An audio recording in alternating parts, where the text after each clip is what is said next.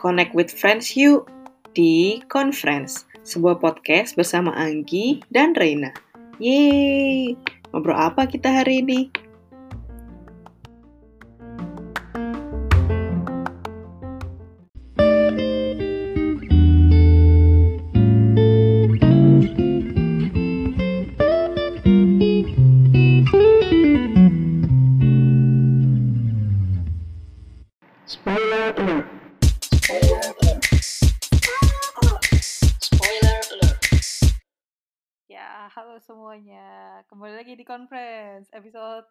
Bagus nih angkanya episode 20. Nah, episode 20 ini kali ini kita akan kembali lagi ke segmen favorit. Ini adalah spoiler alert keberapa, Gi? Spoiler alert ketiga. Ya. Eh, kalau bagi yang lupa spoiler alert itu apa? Jadi spoiler alert itu di mana kita segmen khusus kita ngomongin tentang tontonan kita, Eh, ngebahas abis tuntas. Eh, nah karena namanya spoiler alert, jadi untuk bagi yang belum nonton dan gak mau kena spoiler, diharapkan nonton dulu baru denger episode ini ya. Tuh, tuh. Em, oh ya ya, eh, jadi episode ini kita bakal ngomongin tontonan drama apa nih Gi untuk spoiler alert 3? Untuk spoiler alert ketiga, kita bakal bahas tentang drama yang baru aja selesai, kayak dua minggu lalu ya, kayaknya episode terakhirnya, yang hot Mm-mm. banget, yang eh, kayaknya booming banget nih, sampai kayaknya kalau di Instagramku tuh orang-orang yang nggak nonton, nggak suka nonton drama Korea tuh ikut nonton juga nih. Itu mungkin udah pada udah pada bisa tebak, itu adalah It's Okay Not to Be Okay. Yeay. ini kayaknya ini banget ya booming banget sih sampai sekarang kayak masih banyak yang bahas meskipun udah dua minggu setelah episode terakhir nah kita akan bahas soal drama itu dan mungkin kita sekarang mengupas dramanya satu persatu ya. Pertama tuh udah di judulnya ya. Tadi kan judulnya aku udah bilang English title itu kan It's Okay Not to Be Okay. Karena kalau mungkin yang nonton dari Netflix juga eh, di situ emang namanya ditulis seperti itu ya It's Okay Not to Be Okay. Tapi sebenarnya Korean title itu Psycho Jiman Kwenchana itu eh, Korean title-nya. Dan literal translation-nya adalah eh, Psycho but it's okay gitu. Eh, terus sutradaranya itu adalah Park Shin Woo. Eh, dia itu sudah menyutradarai eh, drama Encounter, eh, Jealous- Jealousy Incarnate, eh, terus Hide, Jekyll and Me, dan sebenarnya ada banyak lagi. Ini aku sumbernya dari ASEAN Wiki untuk eh, page-nya It's Okay Not to Be Okay. Mungkin bisa lihat juga di situ apa aja eh, diskografi. Eh kok diskografi sih filmografi Woo. Filmografi. Iya, betul. Terus eh, writernya itu namanya Jo Young. Eh, kalau di ASEAN Wiki sih tulisannya dia cuman ada satu drama selain drama ini ya, yaitu Jugglers. Aku nonton sih Jugglers, eh, tapi kayak cuman beberapa dan baca ini baca baca recapnya dan kayak genrenya beda banget sih sama si It's Okay Not to Be Okay ini. Tapi mungkin kayaknya sepanjang eh, eh, podcast ini pas rekaman ini aku akan nyebut nama Koreanya kayaknya karena lebih enak disebut daripada judul Englishnya. Karena aku juga kalau ngobrol sama Reina juga kita suka nyebut judul Koreanya ya. Karena panjang banget judul Englishnya. Iya betul. Jadi mungkin ya itu. Ya, Iya. kita akan nyebut banyak Korean title-nya. Ya, semoga eh, dimaklumi ya. Iya. Oke. Terus eh, mungkin selanjutnya Ren Eh, bisa jelasin deskripsi singkat ceritanya mungkin. Boleh, boleh. Eh, cuman mau ngomong sedikit tentang judulnya itu sebenarnya kenapa kita lebih suka kalau aku sih lebih suka ngomong Psycho Ciman karena tuh agak ribet gitu kadang ada yang bilang it's okay to not be okay Iya betul it's betul. okay to be not okay it's okay be to not okay apalah pokoknya itu ke- keputar-putar terus ya. Jadi paling aman sih emang Psycho Ciman aja ya. Em, Oke, deskripsi apa singkat ya tentang ceritanya. Nah, Mm-mm. Jadi ceritanya itu ada seorang eh, pria.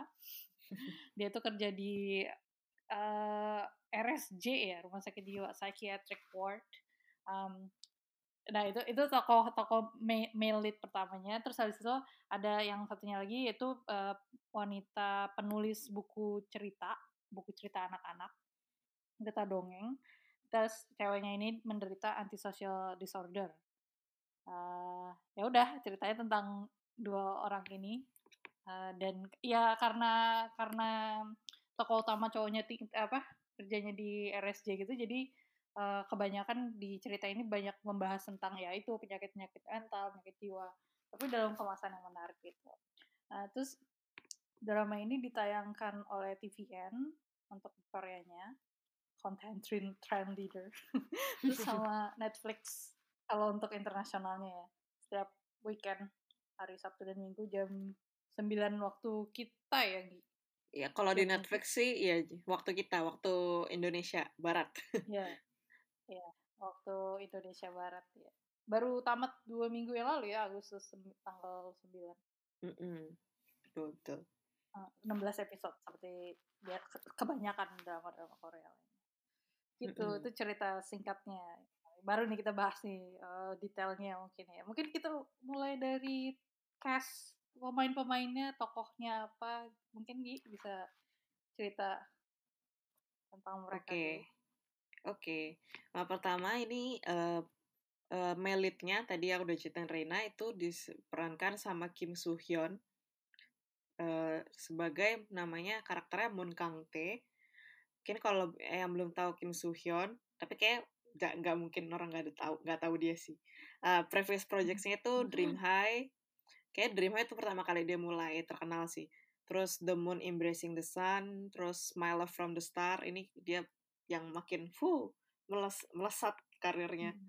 sama uh, The Producers habis itu ini tuh uh, Psycho Jiman Kenshana ini drama comebacknya dia setelah balik uh, wajib militer terus nah deskripsi karakter dia di drama ini sih detailnya tuh dia tuh ya itu tadi pemuda bekerja di psych psychiatric ward sebenarnya dia jatuhnya perawat kan ya Ri? perawat Iya, perawat. Uh, terus dia hidupnya tuh sama kakak laki-laki yang uh, memiliki autis autisme terus mereka tuh hidupnya pindah-pindah gitu nggak pernah di satu tempat. Mungkin kita nyeb dulu nyebutnya apa di kelas sejarah kayak aku pernah dengar kata-kata nomaden yang hidupnya berpindah-pindah. Terus uh, mereka nggak pernah ada di satu tempat dalam waktu yang lama terus sekarang mereka itu dikejar oleh kupu-kupu. Nah ini salah satu plot ceritanya gitu. Nah apakah itu kupu-kupu? Nanti kita bisa bahas gitu. Terus uh, misalnya kalau misalnya kita menyebut karakter Moon Kang Tae tuh pasti kita mikirnya tuh dia tuh sangat tertutup. Terus dia tuh kelihatan tuh kayak sabar banget gitu loh. Tapi itu juga yang bikin orang kadang lihat tuh dia tuh kayak ini sering disebut sih dia tuh hypocrite hypocrite gimana sih nyebutnya hypocrite atau munafik. Tapi dia tuh sebenarnya sayang banget sama kakaknya sama Hyungnya itu sih. Uh, terus karakter uh, lead perempuannya itu diperankan sama So Yeji sebetulnya aku kurang suka sama cara penulisan nama jadi di bahasa Inggris bukan bahasa Inggris sih di di tulisan Latinnya itu jadi so ya ji aku kurang suka. Jadi aku ya gitu sih itu nggak penting. Tapi aku menurutku untuk masalah nama aku kayak agak sensitif gitu. Terus uh, dia tuh berperan sebagai Go Moon Young uh, so Yeji itu previous project saya itu ada Huarang terus Save Me sama Low, Low, Lawless Lawyer Terus uh, deskripsi karakter di drama ini yaitu tadi uh, seperti disebut Reina, dia itu penulis dongeng cerita anak-anak dan dia itu punya antisocial disorder. Kalau misalnya aku cari-cari ya googling antisocial disorder itu apa sih? Ini aku dapat dari website namanya mayoclinic.org. Jadi antisocial personality disorder itu adalah sebuah uh, mental disorder di mana seorang uh, seseorang itu kadang dia nggak tahu mana yang benar mana yang salah gitu. Dan dia itu ini tulisannya ignores the rights and feelings of others. Terus ada kata-kata tend to antagonize manipulate or treat others harshly tapi aku pas baca kata-kata ini tuh kayak langsung ingat di dramanya itu si Moon Youngnya agak-agak gila menurutku. Menurutku yang yang si psycho sesungguhnya tuh dia tuh menurutku. Itu sih. Dia tuh ayahnya kebetulan dirawat di rumah sakit tempat Kang Teh kerja terus ibunya juga udah meninggal tapi hmm. kita kira dia meninggal tapi sampai negara api menyerang tawa tawa gitu terus kalau uh, yang menggambarkan Munyong itu tuh ya tadi si antisocial personality disordernya. Cuman ya nanti kita bahas ya. Kayak kalau aku dan kayaknya Reina juga kayak agak kecewa karena ini kurang dieksplor di dramanya. Uh, terus dia penulis buku cerita anak-anak, tapi buku cerita anak-anaknya tuh yang kayak apa sih agak-agak bukan sadis apa sih pokoknya mungkin terlalu sadis lah untuk anak-anak gitu loh uh, terus dia juga kadang suka agak-agak childish yang tadi kayak dia nggak tahu mana yang benar mana yang salah gitu. Terus kadang suka uh, serakah juga greedy dia kayak apa yang dia lihat dia pengen dia harus dapetin gitu. Terus dia ini sih ini nggak penting tapi aku selalu menganggap dia fashionista sih. Dan kayaknya banyak yang menganggap dia fashionista dan membanding-bandingkan dia sama karakter Jang Man Manuel di Hotel de Luna karena stylish gitu loh. Tapi fashionnya ya beda sih menurutku tapi sama-sama stylish dan fashionable. hmm. Gitu. Terus selanjutnya mungkin Reina untuk karakter selanjutnya. Oh. uh, karakter selanjutnya adalah kakaknya Hyungnya uh, Kang Tae yaitu Moon Sang Tae. Kang Tae Sang Tae. Um, yang main itu ada Oh Jong Se. Itu dia itu ini ini ter, dia tuh terkenal sebagai pemain emang support ya support mm -hmm. karakter di beberapa drama. Ada Touch Your Heart terus yang kemarin baru terus abis itu yang ada dua dua drama kemarin menang back sang tahun lalu tuh ada When the Camellia tahun ini tahun ini When the Camellia Blooms uh, yang tokoh utamanya Gong Hyo Jin sama Stop League uh, yang tentang baseball baseball mm -hmm. baseball ya? Yes baseball baseball. Baseball uh, uh, uh, ya itu dia main di di drama-drama tersebut. Nah untuk karakternya di drama Psycho Ciman ini dia uh, karakternya kebetulan mempunyai uh, autism spectrum disorder ya ASD hmm. uh, nggak tahu sih nggak nggak nggak nggak dijelasin sih spesifiknya apa. Cuman kalau aku pernah baca di ada yang ngepost artikel gitu di mana kalau itu masuknya Asperger. Hmm jadi kayak sebenarnya dia tuh jenius tapi karena hmm. tertutup sama ASD-nya gitu. Tapi biasanya rata-rata orang yang mengidap ASD punya kejeniusan sendiri. Kan kalau di di drama ini dia pinter uh, apa gambar ya art ya iya. nah itu di situ art uh. terus uh, karakternya kakaknya jadi kakaknya Kang Tae ini dia tuh takut sama kupu-kupu tadi Anggi udah jelasin sedikit ya tentang kenapa si kakak ade ini berpindah-pindah karena takut dikejar kupu-kupu tanda kutip gitu. Nanti dijelasin kita ceritain kali ya kenapa kupu-kupu itu. Jadi uh, si adiknya uh, berusaha biar kakaknya enggak apa ya nggak ke trigger gitu kan karena dikejar kupu-kupu jadi dengan cara berpindah-pindah tempat gitu. Uh, terus kebetulan Kang Teh ini eh Sang Teh ini uh, fans berat si tadi si Komunyong yang sebagai author uh, buku cerita anak-anak kan. Karena karena Sangte juga suka baca buku cerita anak-anak gitu. Ya jadi itu Moon, Moon Sangte ya uh, kakaknya terus dia sayang banget sama Kangte dan masuk uh, dan penderita ASD terus karakter yang keempat adalah Nam Juri yang main aku nggak aku pernah lihat dia di mana gitu ya. Uh, hmm. Park Park Yong oh pernah lihat nih uh, jadi dia pernah main di The Third Charm terus Romance is a Bonus Book aku pernah lihat dia di sini. Lupa hmm. sama Knock the Flower yang aku pernah tonton cuma Romance is a Bonus Book aku The Tercharm sih ngelihat dari The Tercharm jadi adanya oh, iya, jadi adanya So Kang Jun. Oh oke okay, oke. Okay. um, terus enam juri ini dia tuh uh, sesama perawat juga ya di rumah sakit juga tempat Kang Te bekerja. Terus dia pernah kenal Kang Te waktu masih kecil ya. Kayak karena mereka kan di di kota yang jadi sama. mereka ya mereka mereka semua ini di, dulu kecilnya tinggal di kota yang sama gitu. Yang sekarang sekarang jadi kota di mana drama ini terjadi gitu. Terus ya si Namnyuri ini suka sama Kang T. Terus ibunya itu kerja di kantin rumah sakit jiwa tempat mereka kerja. Terus sama punya kos-kosan ya kayak kos-kosan gitu gak sih? Yang di mana yeah. si Sangte sama Sangte tinggal beberapa episode awal sebelum mereka berdua pindah sampai akhirnya semua ngumpul di sana jadi jadi base iya. camp jadi base camp ya hmm. uh, terus ini apa tentang Pak Yu, eh, tentang Nam Yuri menurut yang main si Park Yu Young ini uh, Juri is someone who doesn't stand being hated. Oke, okay. ya ini mendeskripsikan di cerita apa?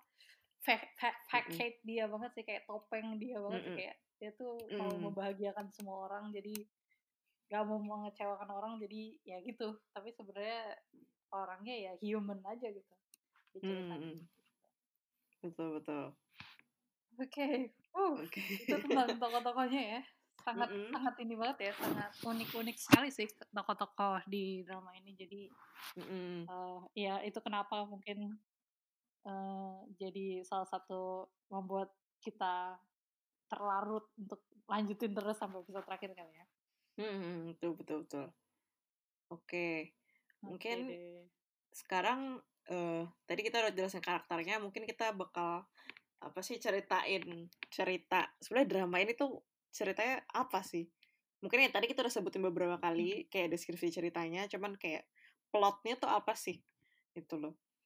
Jadi mungkin eh misalnya aku coba cerita dulu ya. eh jadi sebenarnya kan Mhm. tadi cerita karakternya tuh lah si Kang Tae dan Moon Young. Eh, jadi tuh mereka tuh awalnya ketemu di rumah sakit tempat Kang Tae kerja sebelum sebelum di rumah sakit yang eh, s- jadi coworker sama juri.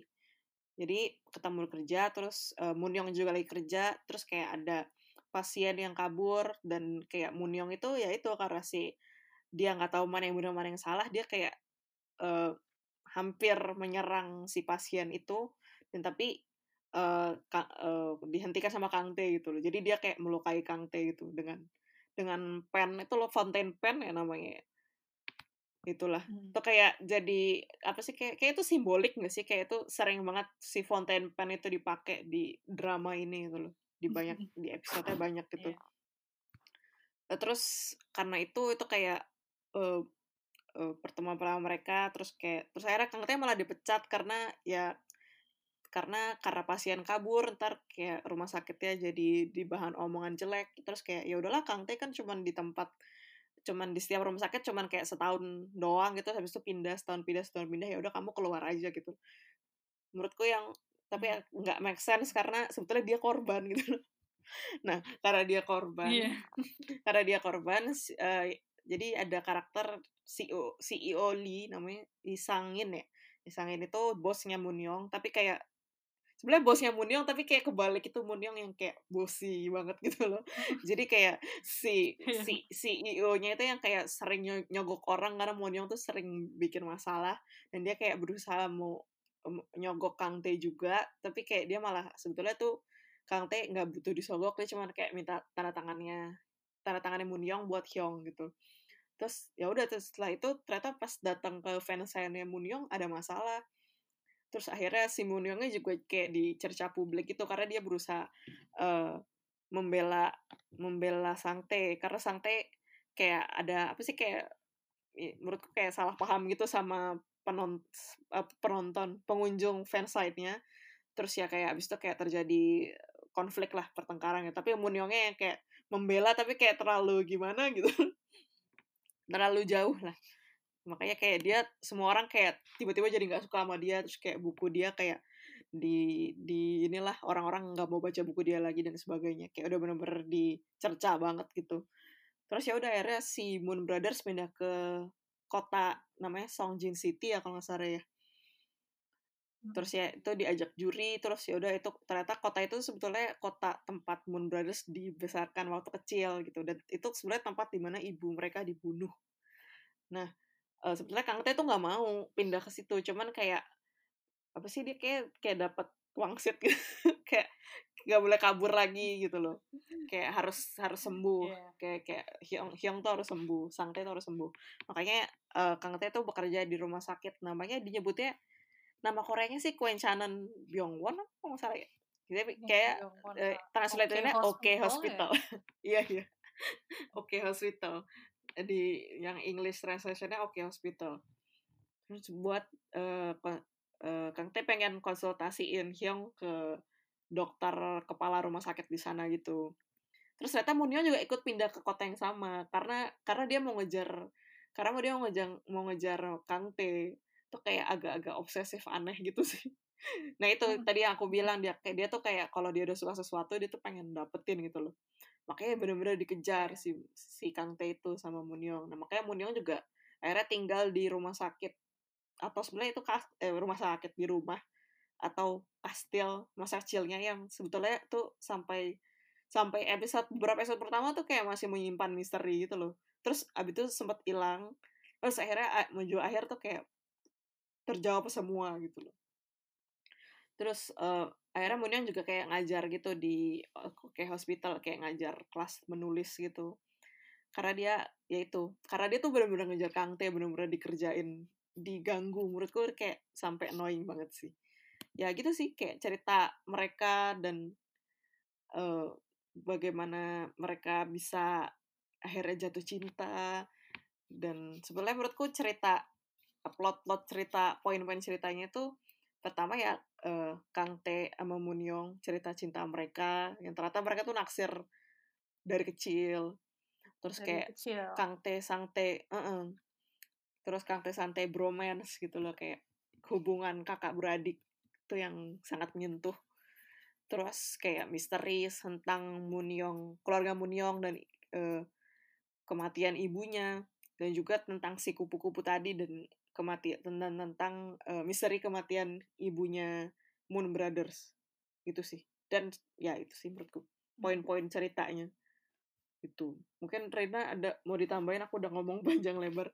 Mungkin ada yang bisa ditambahin? Ya, itu tadi kan kayak yang Anggi sebut itu mungkin kayak main plot dari whole story ya. Tapi sebenarnya di setiap epi, nggak, nggak- ya setiap episode itu dikemas juga. Jadi kayak beberapa dibilang cerita tokoh sampingan kali ya. Tokoh sampingan, Mm-mm. supporting bukan. Ya pokoknya karakter-karakter sampingan yang hampir ya semuanya itu menderita uh, in a form in a way ya mental disorder gitu karena kebanyakan pasiennya ya pasien di rumah sakit itu Mm-mm. kayak misalnya yang pura-pura jadi ibunya dia sempat pura-pura jadi ibunya Munyong aduh aku nggak aku nggak inget ya nama-nama karakternya yang dia Oh. sebenarnya dia punya anak cewek terus anak ceweknya meninggal terus dia sampai jadi sampai sampai di drama itu sampai sekarang nyalahin diri sendiri makanya dia menderita penyakit jiwa. Terus ada lagi yang eh, anaknya siapa ya? Anaknya assembly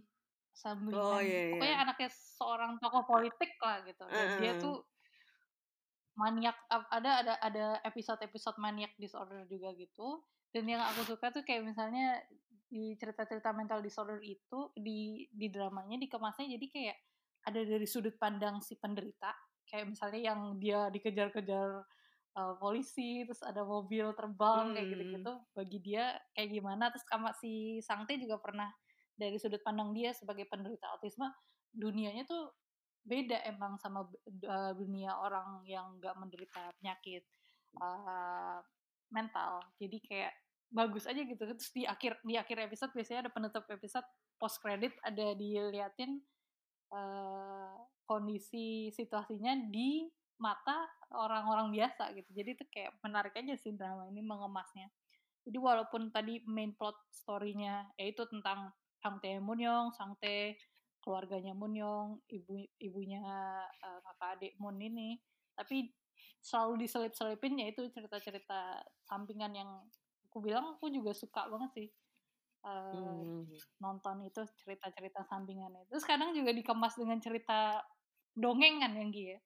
Kayak Hmm, iya iya iya. eh, kalau lihat dari judul-judul episode kan selalu ada ada terkait gitu kan misalnya Beast and the Beast atau pokoknya se- se- selalu ada berhubungan sama cerita dongengnya terus ceritanya di di selip-selipin juga di setiap episode dramanya. Jadi itu sih yang keren dari drama ini Iya sih. menurutku. Aku juga setuju sih kayak soal tentang si drama itu ya. Aku kayaknya inget waktu pertama kita nonton drama ini, waktu kayak try, aku kayak ah, coba nonton dulu deh satu dua episode gitu. Terus episode satu aku suka, terus Iya. aku bilang Reina, Rey ini kalau misalnya dia tetap lanjut pakai setiap episode bakal bahas dongeng, aku bakal nonton sih ini kayak jadi apa ya charming Iya. point dramanya gitu loh. Kayak Iya, charming point. dongengnya juga ada yang dongeng dari yang beneran ada di kehidupan nyata, ada yang ceritanya itu dongengnya Munyong yang nulis gitu, yang fiksional gitulah. Dan katanya bakal ini sih, kayak bakal ada yang Hmm, dirilis gitu, Rey, bukunya kan? katanya sih ada iya bakal dirilis tapi ada Mm-mm. bahasa Korea di sana kan. Iya, iya. Hmm, menarik. Tapi agak sadis sih. itu sih ya. Hmm. Eh, ini agak agak agak side track sedikit sih tapi sebenarnya cerita-cerita dongeng yang ada di dunia kita gitu ya maksudnya yang ada di Hmm. sekarang kayak eh Rapunzel gitu-gitu Mm-mm. itu sebenarnya hasil ceritanya sedark mungkin lebih dark dari cerita-cerita yang ditulis Munyong gitu cuman Hmm. karena mau ditujukan ke Anak-anak. anak-anak jadi Hmm. dikemas lagi eh di dari dibentuk lebih cheerfulnya lebih Hmm. happy ending gitu padahal misalnya contohnya Rapunzel ujung-ujungnya siapa gitu ada yang mati di akhir episode gitu Hmm. Beauty and the Beast juga kadang ada yang kayak menceritakan kalau Beauty ini sebenarnya si Belle Belle si tokoh cewek itu eh, ya Stockholm syndrome gitu dia padahal di prison tapi dia jadi jatuh cinta sama prisoner ya padahal itu nggak sehat gitu ya pokoknya Hmm. yang yang Munyong sering ajarkan Hmm, iya, di iya, kelas iya. di kelas yang diajarkan di RSJ itu sebenarnya eh, rata-rata bisa dibilang ya kalau kita pikir bener juga ya gitu Hmm. Jadi ya, realistis, itu sih. realistis. Eh, a twist ya a twist ya gitu Hmm. kerennya di situ Ya itu salah satu charming pointnya sih ya. Hmm, terus apa lagi yang bisa kita Betul. bahas? Scene favorit atau apa? boleh Anggi dulu mungkin scene favorit Oke. Anggi. Kalau aku scene favorit ada dua. Jadi tuh pertama itu mungkin Rena juga ini aku nggak tahu sih kayak mungkin Rena juga ini scene favoritnya Rena kayaknya. Eh itu waktu jadi kan ceritanya si Sang Tae sama Kang Tae itu jadi Sang eh, Kang Tae itu waktu masih kecil jadi Kang Tae itu adiknya mungkin karena namanya mirip-mirip aku juga mungkin bakal twisted ntar ngomongnya Tuker-tuker, ah. Heeh, ketukar-tukar eh maksudnya Kang Tae dulu waktu masih kecil kan eh, ibunya tuh kayak maksudnya dia nggak ngerasain apa ya kasih sayang ibunya gitu loh karena ibunya kayak terlalu apa-apa apa-apa Hyung apa-apa Hyung apa-apa kakaknya apa-apa Sang Tae gitu kayak kayak sampai bilang kayak Kang Tae tuh kamu tuh lahir karena untuk jagain Hyung gitu. Nah itu Kang Tae tuh kayak dari kecil tuh kayak sakit hati gitu loh. Makanya eh, nah ini salah satu spoilernya. Menurutku ini kayak apa sih? eh apa ya? Satu momen di mana itu tuh kayak paling vulner apa ya? Paling vulnerable di antara si Moon Kang Tae dan si Sang Tae itu. Maksudnya gimana ya? Ini kayak bener-bener eh, rahasia terdalam yang jangan sampai ketahuan orang gitu loh. Yaitu deng- karena si apa kayak suatu hari waktu masih kecil, waktu si ya tapi Sang Tae-nya udah kayak remaja gitu sih kayak mereka lagi main kejar-kejaran, bukan main kejar-kejar, eh main kejar-kejaran ya, Re? Iya deh. Kayak Iya. si eh, Kang Tae ngambek terus dia kayak ke frozen river gitu atau danau nggak tahu. Terus Sang Tae ngejar terus eh, akhirnya se- baikan terus tapi si Hyungnya itu si Sang Tae-nya kayaknya dia masuk jadi kayak ada ker, apa krek gitu si danaunya. Jadi kan tenggelam kan jatuh kan. Nggak tenggelam ya jatuh lah. Terus ya akhir- si si Kang Tae tuh udah mikir kayak gue nolong nggak ya? Gue nolong nggak ya? Dan ternyata dari jauh tuh Munyong tuh udah nonton kejadian itu dan Munyong tuh kayak Mm. ayo ini eh, kayak dia udah kayak menantikan gitu ayo diselamatin gak nih atau ditinggal? gitu kan. Terus tapi si Kang Tae tuh udah mau pergi tapi kayak akhirnya eh, ditolong juga gitu. Nah tapi abis itu si si Kang Tae-nya juga malah malah dia yang tenggelam saya ditolong Munyong ya kayak gitu sih. Nah itu kan kayak apa sih ya eh ternyata selama ini si Kang si Sang Tae itu sadar gitu loh. Maksudnya mengingat momen itu Hmm. karena si Kang Tae tuh selama selama ini merasa oh dia nggak ingat ya udahlah gitu. Karena gimana sih eh apa ya itu tuh menurutku itu eh, meskipun ke- kedengarannya kayak oh jahat banget sih kok dia ninggalin kakaknya gitu loh.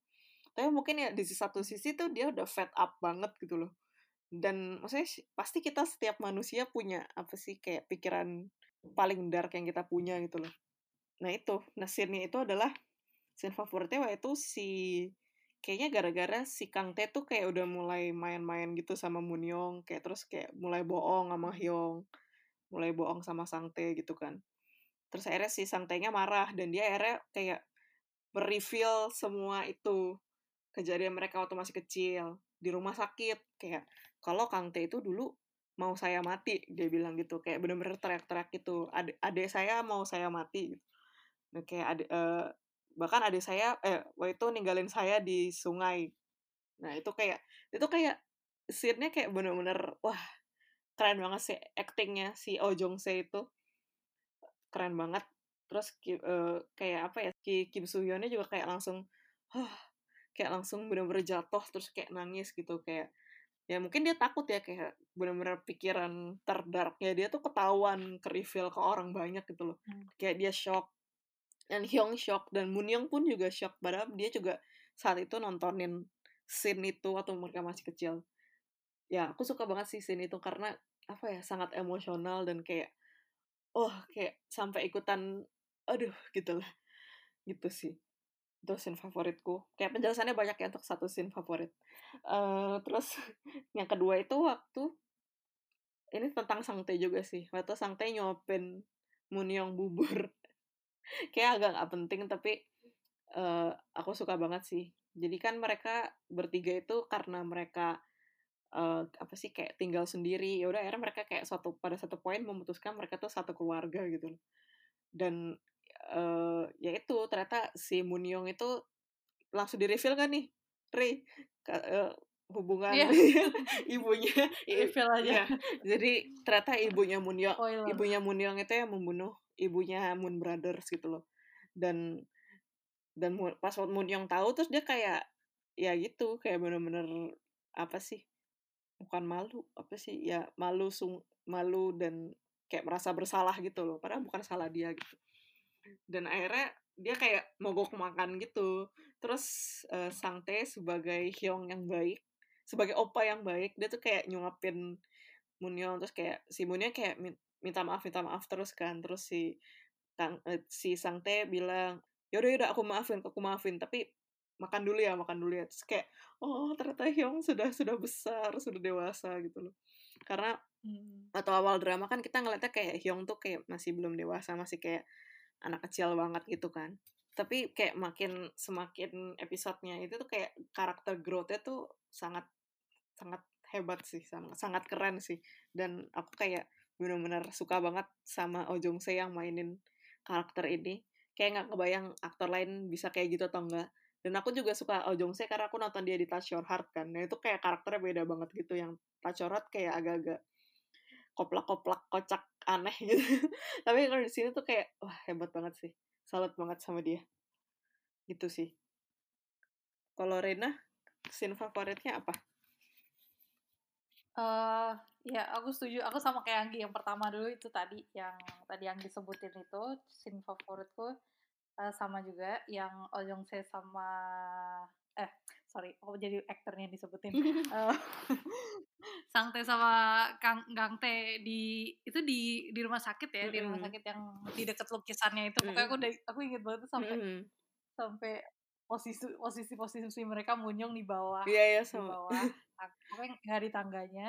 Terus ya si Kang Tae sama Saktinya di di apa sih yang antara dua tangga itu terus kayak Hmm. sang Sang Tae sampai kayak eh sebenarnya pingin pingin aku mati kan gitu kayak kayak Hmm. gitu kan kayak itu kayak terus mukanya si mukanya si Tae tuh dari pertama kayak cuman shock biasa kan kayak ah nggak nggak kok nggak tuh sampai kayak dia Mm, kayak mm, mm, iya, sampai denial gitu kan mukanya Hmm. sampai kayak oh enggak Any- sampai Anya Anya gitu-gitu Hmm. berkali-kali itu itu mereka berdua actingnya parah pokoknya abis nonton itu aku masih merinding terus aku langsung ngechat Anggi kan Gi udah nonton belum ya episode ini parah Gi merinding aku nonton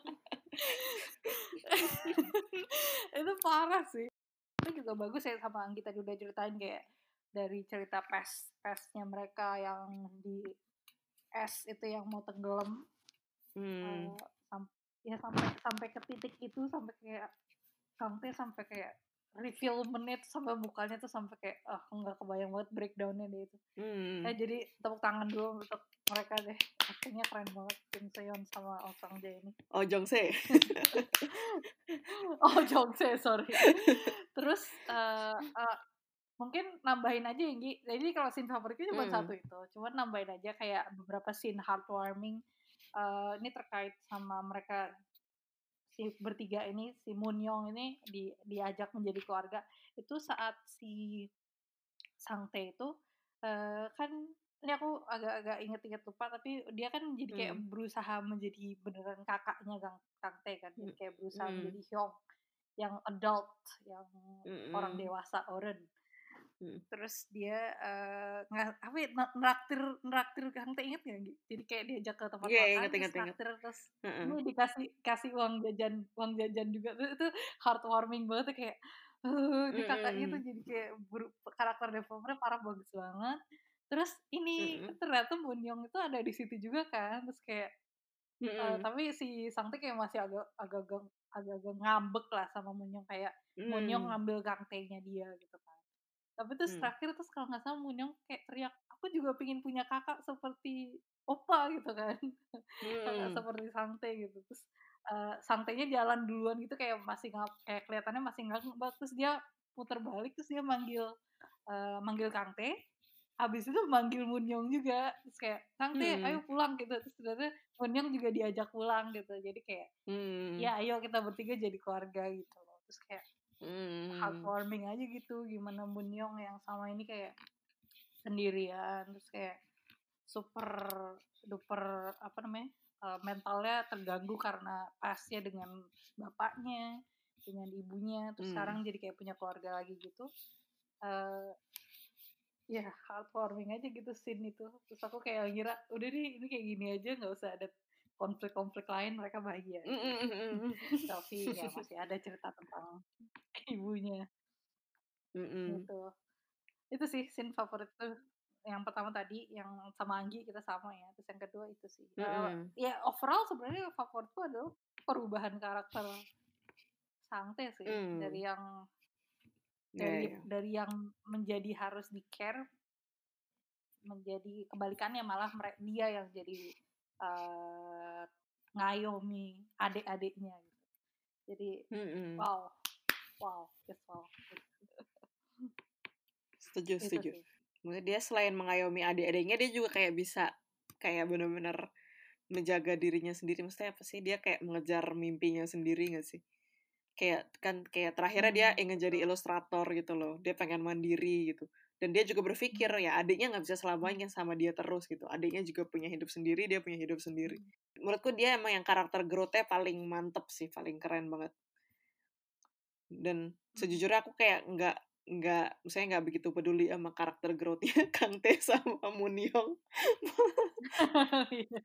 saya ya menurutku bukan karakter growth sih lebih ke mereka keluar dari shell mereka gitu loh tapi not necessarily yeah. not necessarily itu it's a growth menurutku ya kayak yeah. malah kayak menurutku kayak Sang Tae malah eh Kang Tae malah kayak oke okay, dia jadi lebih terbuka tapi kayak kadang ada malah jadi kayak Munyong gitu loh Mun yang di awal gitu. Kan kayak Mun yang di awal kayak terlalu wild gitu kan. Ya nggak tahu sih. Ya kalau Munyong juga Munyong kayaknya juga ya gitu-gitu aja gak sih karakternya? Nggak tahu sih aku. Kayak tapi jadi lebih soft hearted aja sih. Lebih lebih mengerti lebih pengertian sih. Kayak misalnya dia yang waktu Kang Tae nggak mau foto keluarga terus kayak ya udah Munyong ngalah dia kayak ya udah ya udah sam uh, ya apa opa kita foto berdua aja gitu sama Sangte itu itu ini sih kayak oh dia udah mulai berubah sih kayak udah mulai ya itu soft hmm. ternyata dia inside tuh dia tuh softy kayak bener-bener apa lemah lembut gitu ternyata. Itu doang sih kayaknya. Munyong I don't know. Oh Iya, Budyok iya uh, itu aku mau cuman komentarin tentang soal dia jadi softy. Jadi kan pernah dibahas sama uh, siapa sih Wang Jang Wang Jang Nim, uh, direktur oh. hospitalnya. Hmm. Kalau maksudnya kenapa Munyong suka pakai baju yang terlalu ekstravagan gitu itu sebenarnya hmm. katanya kan karena sebagai shield ya, sebagai hmm. pelindung diri gitu dari kayak Hmm. Jadi dia naruh fake kalau dia tuh kuat padahal sebenarnya uh, ya ujung-ujungnya Munyong tuh sebenarnya ya itu lebih soft gitu, nggak nggak sekuat hmm. kelihatannya gitu. Makanya mungkin benar kata Anggi kalau Munyong ini sebenarnya bukan ber, bukan growth ya, tapi kayak lebih kayak nge-reveal siapa dia sebenarnya. Uh, jadi Hmm, ada betul betul betul. kontrasnya kan kita lihat di, episode pertama, terus sekarang di episode terakhir jadi kayak gini. Jadi kayak ya itu perbedaannya. Tapi sebenarnya dia Monyong yang sama gitu kan. Itu personal Hmm. personal.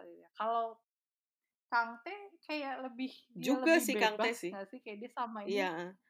Iya nggak sih? Dia dia Ya, samanya betul betul. nge-restrain diri dia sendiri kayak harus Mm-mm. harus jadi adik yang baik, harus jadi tanggung jawab ini, tanggung jawab itu. Terus dia Betul kayak betul. sendirinya nggak pernah dia nggak pernah take care of himself gitu kan. Mm. Itu nggak sih? Ingat nggak sih ya Ri? itu eh waktu dia abis berantem, eh waktu Kang ber- abis berantem sama Sang Tae, terus si temannya Kang Tae, si siapa namanya Jesu bilang kayak, lo jadi berubah gini sih gitu. Terus si Kang Tae bilang, lah justru Hmm. ini sebetulnya diri gue yang sebenarnya gitu loh. Iya Oh sih. ya. Benar sih, benar sih. Jadi kalau Iya Mu- ya. Kang Tae sama Young itu lebih mereka menunjukkan kayak judul episode terakhir ya kayak cinca-cinca all gul. Jadi kayak kayak benar-benar menunjukkan apa sih wajah mereka yang sebenarnya dan kalau eh, Sang Tae itu ya kayak ya itu growth-nya itu sih. ya benar sih ya in a way dua-duanya sama-sama growth sih sebetulnya cuman ya kayak yang satu yang kayak lebih Iya. ya growth meningkat yang satu kayak keluar dari itu tadi si fake it-nya itu itu sih Metamorfosis. betul betul Betul. bisa bisa bisa Oke, terus sekarang kita udah bahasin favorit panjang lebar nih. Mungkin apa lagi nih? Mungkin karakter, mungkin karakter favorit. Kalau Rena ada karakter favorit nggak? Ya sebenarnya tadi udah diselipin juga ya di scene favorit. Karakter favorit tuh Mm-mm. Santai sih. Kayak Hmm, hmm, hmm. nggak tahu setiap ada scene yang related sama dia pasti langsung kayak touched. Kayak ah dia dia apa ya? Aku nggak expect di episode dari episode pertama aku nggak expect bakal terlalu apa in, eh, terlalu info bukan terlalu fokus sama cerita karakter dia karena kayak ah, paling nanti ini fokusnya ke Kang Tae sama Moon Romance-nya Young. ya? tapi di eh, makin episode terakhir eh, eh, makin ke episode terakhir santai lah ininya Eh, main main apa ya main centernya tuh dia sebenarnya ya Mm, mm, sih mm, nggak tahu mm, sih menurutku kalau menurut Anggi Hmm. Aku juga setuju sih. Aku juga salah satu karakter favoritku itu juga eh, Sang Tae. Ya itu sih. Ya benar kata Rena kayak awalnya juga aku nggak expect dia kayak bener-bener bahas tentang dia gitu. Mungkin kayak ya itu kayak oh ini mungkin kayak cuman romance drama doang gitu loh. Dengan sedikit sentuhan mental mental health eh, cerita tentang mental health gitu.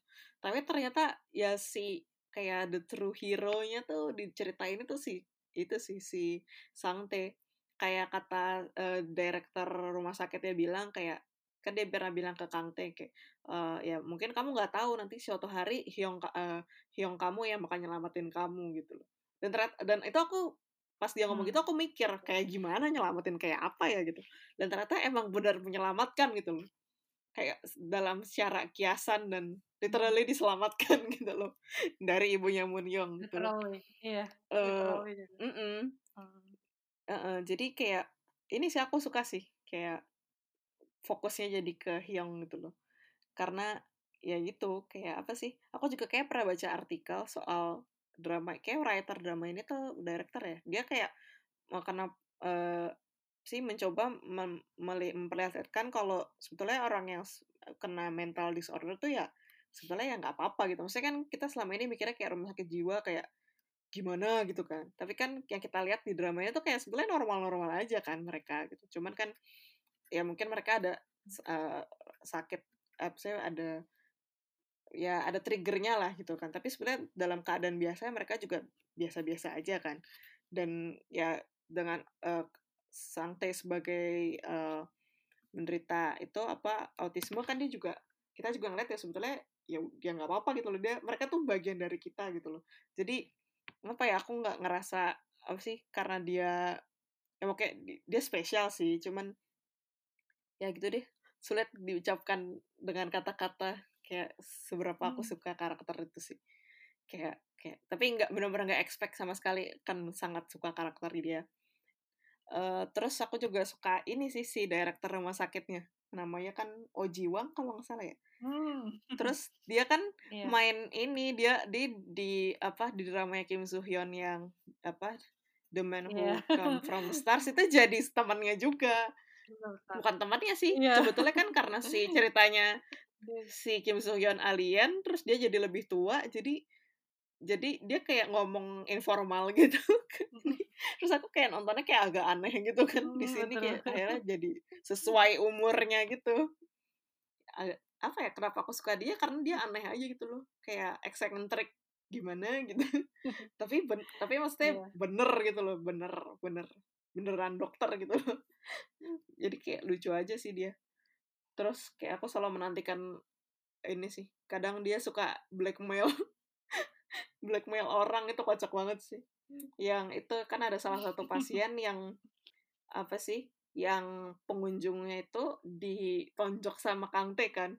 Terus kayak udah kayak Kang T udah kayak pengen dituntut gitu. Terus katanya direkturnya nggak usah khawatir kamu balik aja ke rumah sakit. Aku udah blackmail dia kok. Kayak gila keren banget nih direkturnya. Director hospital kayak gitu ya. Mm-mm, ya nggak ada obat sih. Eh itu sih dua itu tapi sebetulnya ada satu karakter lagi yang aku cukup perhatikan tapi karena aku tahu dia eh saya di luar di luar sebagai aktris itu yang jadi eh nah suster yang namanya Son Byul tapi dia sebetulnya nggak begitu disebut sih karakter dia. Tapi dia sering muncul itu loh yang suster yang temannya juri. Yang rambutnya suka di kayak bun gitu bun lagi bun Oh iya ya. Nah, tahu, itu tuh dia sebetulnya itu bukan aktris dia tuh idol tau gak Re? jadi dia eh, anggota girl group gitu nama girl groupnya itu From Is Nine nah itu tapi dia sebelum ini pernah belum kayak ini per- drama drama pertamanya dia tapi sebelumnya dia pernah main kayak web drama gitu aku juga nonton sih web dramanya jadi aku kayak Mhm. kayak aku tahu orangnya terus aku suka dia terus aku kayak agak bias gitu kayak lebih kayak aku seneng aja kita ada ada ada scene ada dianya gitu loh gitu sih. Dan, dan aktingnya lumayan lah untuk ukuran rookie dan ini kayak drama pertama dia. Mungkin kalau ngebayangin jadi dia drama pertama dia terus udah sama Kim Soo Hyun udah wah Iya. ya ini bisa jadi batu loncatan buat dia sih. Tuh Hmm. oke. Kita udah bahas karakter favorit apalagi nih? Mungkin apa moral story-nya mungkin? Kalau menurut Reina drama ini moral story-nya apa sih Moral story-nya literally judul yang bahasa Inggrisnya ya tapi ya. It's okay to not be okay. Itu kayaknya juga moto moto hospitalnya nggak sih? Mm-mm, iya iya iya Eh, benar benar benar jadi di, di Oke Hospital ada beberapa scene kayak ada moto moto hospitalnya itu. Mm-mm. Eh, ya itu jadi nggak apa-apa menjadi tidak men- gimana ya kalau bahasa Indonesia ya? Gi? Nggak apa-apa nggak kenapa itu nggak apa-apa ya pokoknya if if you're not okay it's okay gitu bagus nggak tahu itu kayak Hmm, bener-bener inti heeh. cerita intinya gitu sih kayak Mm-mm. ya emang kita semua kan human ya human Mm-mm. kayak eh, ada suatu saat di mana kita kayak feeling vulnerable feeling Mm-mm. Uh, down breakdown depressed atau yang lain-lainnya dan Mm-mm. drama ini mengemas pesan itu kalau ya kalau kalau mengalami mungkin karena sekarang juga orang udah mulai kayak health health tuh bukan cuma physical health tapi juga mental health Mm. Eh, ya kalau lo merasakan hal-hal kayak gitu itu maklum kayak itu manusia jadi it's Hmm. okay kencana kencana Kencana. ya kan Hmm. ya itu sih inti moral story-nya kalau menurut kau benar-benar literally title Hmm. title dramanya Mm-mm. kalau Anggi ada mungkin ada yang personal gitu diambil dari ceritanya Aku juga setuju sama Rena sih. Oh, aku ingat. Jadi di akhir-akhir episode kayak terakhir-terakhir kayak belasan si temennya Kang T, si Jesu bilang kayak kalian itu sebetulnya orang-orang lemah dan sebetulnya orang-orang lemah itu lebih baik tetap bersama-sama gitu loh. Tapi orang-orang lemah ini maksudnya bukan lemah gimana tapi kayak kita tuh semua ya manusia kayak ya itu vulnerable gitu loh. Saya kita semua tuh kayak manusia gitu kayak pasti ada saatnya kayak jatuh gitu loh. Dan apa ya? Dan ya mungkin cara kita untuk menghadapi dunia, menghadapi kayak hal apakah itu hal buruk atau apa tuh ya emang harus dengan sama-sama gitu dengan cara saling menguatkan. Itu sih. Dan ya itu tadi kayak it's, it's okay not to be okay tapi kayak yang penting ya itu kayak apa sih punya orang-orang yang bisa kita apa ya kita yang kita bisa uh, ada di samping kita untuk menghadapi hal-hal berat tuh bersama-sama gitu. Itu gak sih? Nggak tahu deh. Tapi ya aku seneng sih ya kayak kata Rena tadi kayak drama ini kayak benar-benar menggambarkan cerita mental health yang kayak sekarang untungnya udah makin dikenal ya udah makin dibahas juga yang dan tidak kalah penting dari physical health. Jadi ya ini sih aku seneng drama ini kayak bener-bener ngasih tunjuk kayak itu kayak meskipun kita mungkin mentally not okay but it's okay not to be okay. Gitu. Hmm. mungkin kita udah ngomong panjang lebar kali ya apa mungkin kita terakhir kasih rating personal mungkin Boleh. seperti biasanya seperti di spoiler alert kemarin-kemarin kita kan ngasih rating personal ya dari 1 sampai 10 ya kalau nggak salah ya kemarin Oh iya, satu sampai iya, sepuluh ya? Hmm, Rena mungkin untuk drama ini rating personalnya Boleh, berapa? Dan kenapa? Uh, kalau aku uh, 8 deh. Uh, Bagus 8. Kenapa tuh rating ngasih 8? Ini 8 itu karena udah berhasil nge-grasp aku di episode pertama. Jadi tuh itu kalau udah episode pertama udah bagus aku kayak oke okay, lanjut hmm. terus kedua karena aku berhasil nonton sampai akhir hmm. dan itu setiap minggu bener-bener konsisten nonton jadi itu berarti ceritanya berhasil nge nge catch lah nge berhasil mengikat aku untuk komitmen. Hmm. komitmen nonton hmm. untuk setiap minggu. Uh, terus tapi kenapa 8 maksudnya kenapa nggak 9 atau kenapa nggak 10 karena ya itu biasanya ada plot hole plot hole misalnya kayak ibunya Munyong. Tapi dia sebenarnya plot hole yang kalau nggak ada juga nggak nggak terlalu nggak terlalu mengganggu cerita. Tapi misalnya ibunya Munyong kenapa dia bisa hidup lagi? Uh, terus kayak terus kayak aku sebenarnya expect uh, penyakitnya bukan penyakit ya penyakit ya uh, disordernya si Munyong lebih dieksplor lagi sih. Kayak cuman pernah disebut beberapa di awal doang gitu ya antisocial personality disordernya. Hmm. kayak terus habis itu nggak terlalu dibahas lagi terus jadi itu yang aku expect bisa dieksplor lagi sih. Cuman eh, tapi dengan cerita yang udah dikemas banyak itu kayak beberapa cerita pasien-pasiennya terus development sangte itu jadi udah oke okay banget sih drama ini hmm. uh, uh, sama aktor aktris aktornya oke okay lah udahlah udah gak usah dipertanyakan lagi acting actingnya. Oke okay banget lah. Mudah-mudahan menang awards uh, banyak amin amin amin. Jadi itu 8, 8 out of out of 8 out of 10 ya 8 dari 10 mm -hmm. kalau Anggi mungkin? Kalau aku tujuh setengah deh ada setengahnya gitu tujuh setengah oh, oke okay. kenapa tuh? Uh, soalnya kayak alasannya sama Kerena ya kayak ya tadi kayak kena uh, tentang antisocial disordernya Munio nggak dibahas. Terus kalau aku personally romansnya nah, romansnya oke, okay, cuman kayak ada beberapa scene yang menurutku nggak perlu. kayak aku kayak males gitu ngelihatnya. uh, tapi mungkin yang nggak tahu sih itu bagian dari cerita kayak dari si karakter growth-nya dalam tanda kutip ya who knows. Tapi aku kayak kurang suka ya ini ya karena personal rating ya. Preferensiku aku kurang ini sih. Kalau romansnya kayak udah terlalu apa ini kayak, kayak ada pokoknya ada adegan-adegan tidak penting. Terus um, karena uh, apa ya tapi sebenarnya bagus sih. Maksudnya aku juga senang cerita-cerita si pasien-pasien di rumah sakitnya itu biasanya kalau kayak macam Hotel de Luna gitu deh kayak itu kan setiap episode kayak case of the week gitu case of the episode gitu kan. Tapi yeah. ini tuh nggak berasa sih karena kayak bener-bener apa ya ditaruhnya tuh nggak episode yang berbarengan kayak nggak sequence episode kayak satu episode terus besoknya ada lagi ada lagi itu enggak gitu kayak tergantung dengan ceritanya aja kayak sebetulnya kan cerita si pasiennya itu yang apa ya mendorong si karakter growth-nya itu kan si tiga karakter itu kan. Mm -hmm. dan menurutku sebetulnya uh, itu cukup. Dan sebetulnya nggak aku berharap tuh sebenarnya nggak ada plot kalau ibunya Munyong itu ngebunuh ibunya uh, Kang Tae dan Sang Tae itu aku nggak Hmm. berharap nggak ada itu. Makanya aku tuh pas si suster kepala susternya itu di reveal di akhir episode tapi kan itu masih belum dibilang kan dia itu siapa kan. Terus aku kayak chat Reda aku bilang aku berharap dia bukan ibunya Munyong gitu loh. Karena apa ya eh untuk tapi dan apa ya oke lah sekarang bener ibunya Munyong gitu loh. Tapi nggak di apa ya nggak dibungkus nggak dibungkus dari nggak di reveal dengan cara yang apa ya bagus kayak gitu doang gitu loh.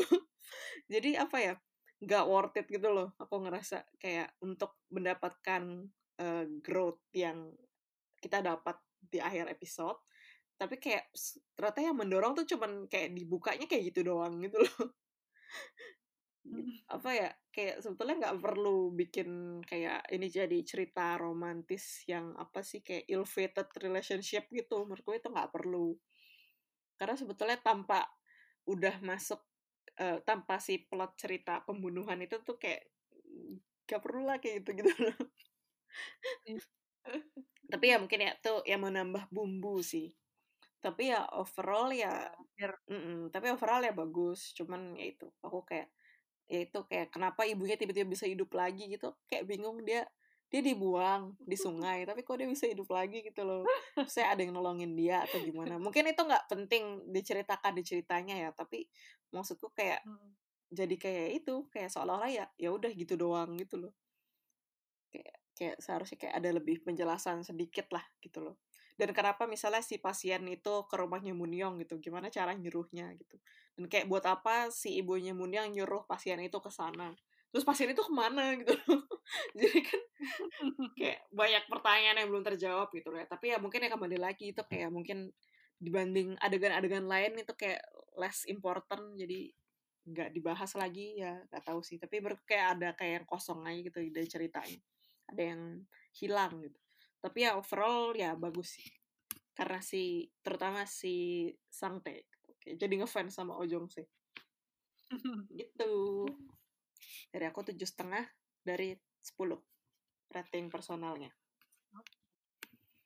Uh, bagus ya Hmm, berarti ya? ya. lumayan lah. Oke. Mungkin kita udah panjang panjang lebar membahas. Seperti biasa ya kita kalau episode spoiler alert tuh sangat bersemangat. Mungkin Rena ada yang mau dibahas lagi Eh, udah sih, ya itu aja. Jadi semoga teman-teman yang udah nonton mungkin bisa kayak eh, ya semacam review-review aja sih Hmm. di episode ini.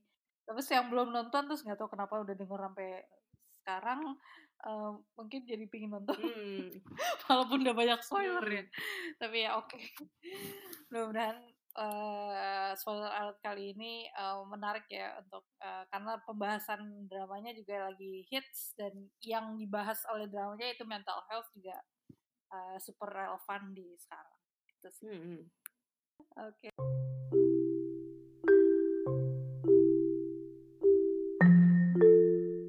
Oke deh, teman-teman semua, terima kasih ya untuk sudah mendengarkan episode kali ini. Bagi yang ada pertanyaan atau saran, seperti biasa bisa kirim ke email kita conferencepod@gmail.com atau bisa lihat detail lainnya di deskripsi episode nanti ditaruh.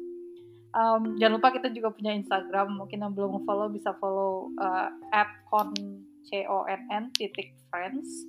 Uh, nanti di itu di Instagram kita bakal uh, bisa banyak interaksi juga. Misalnya ada yang pengen request spoiler alert bahas drama apa, nanti bisa kita uh, bahas. Uh, itu aja dulu. Stay tune for the next episode. Sampai jumpa di conference selanjutnya. Bye bye. bye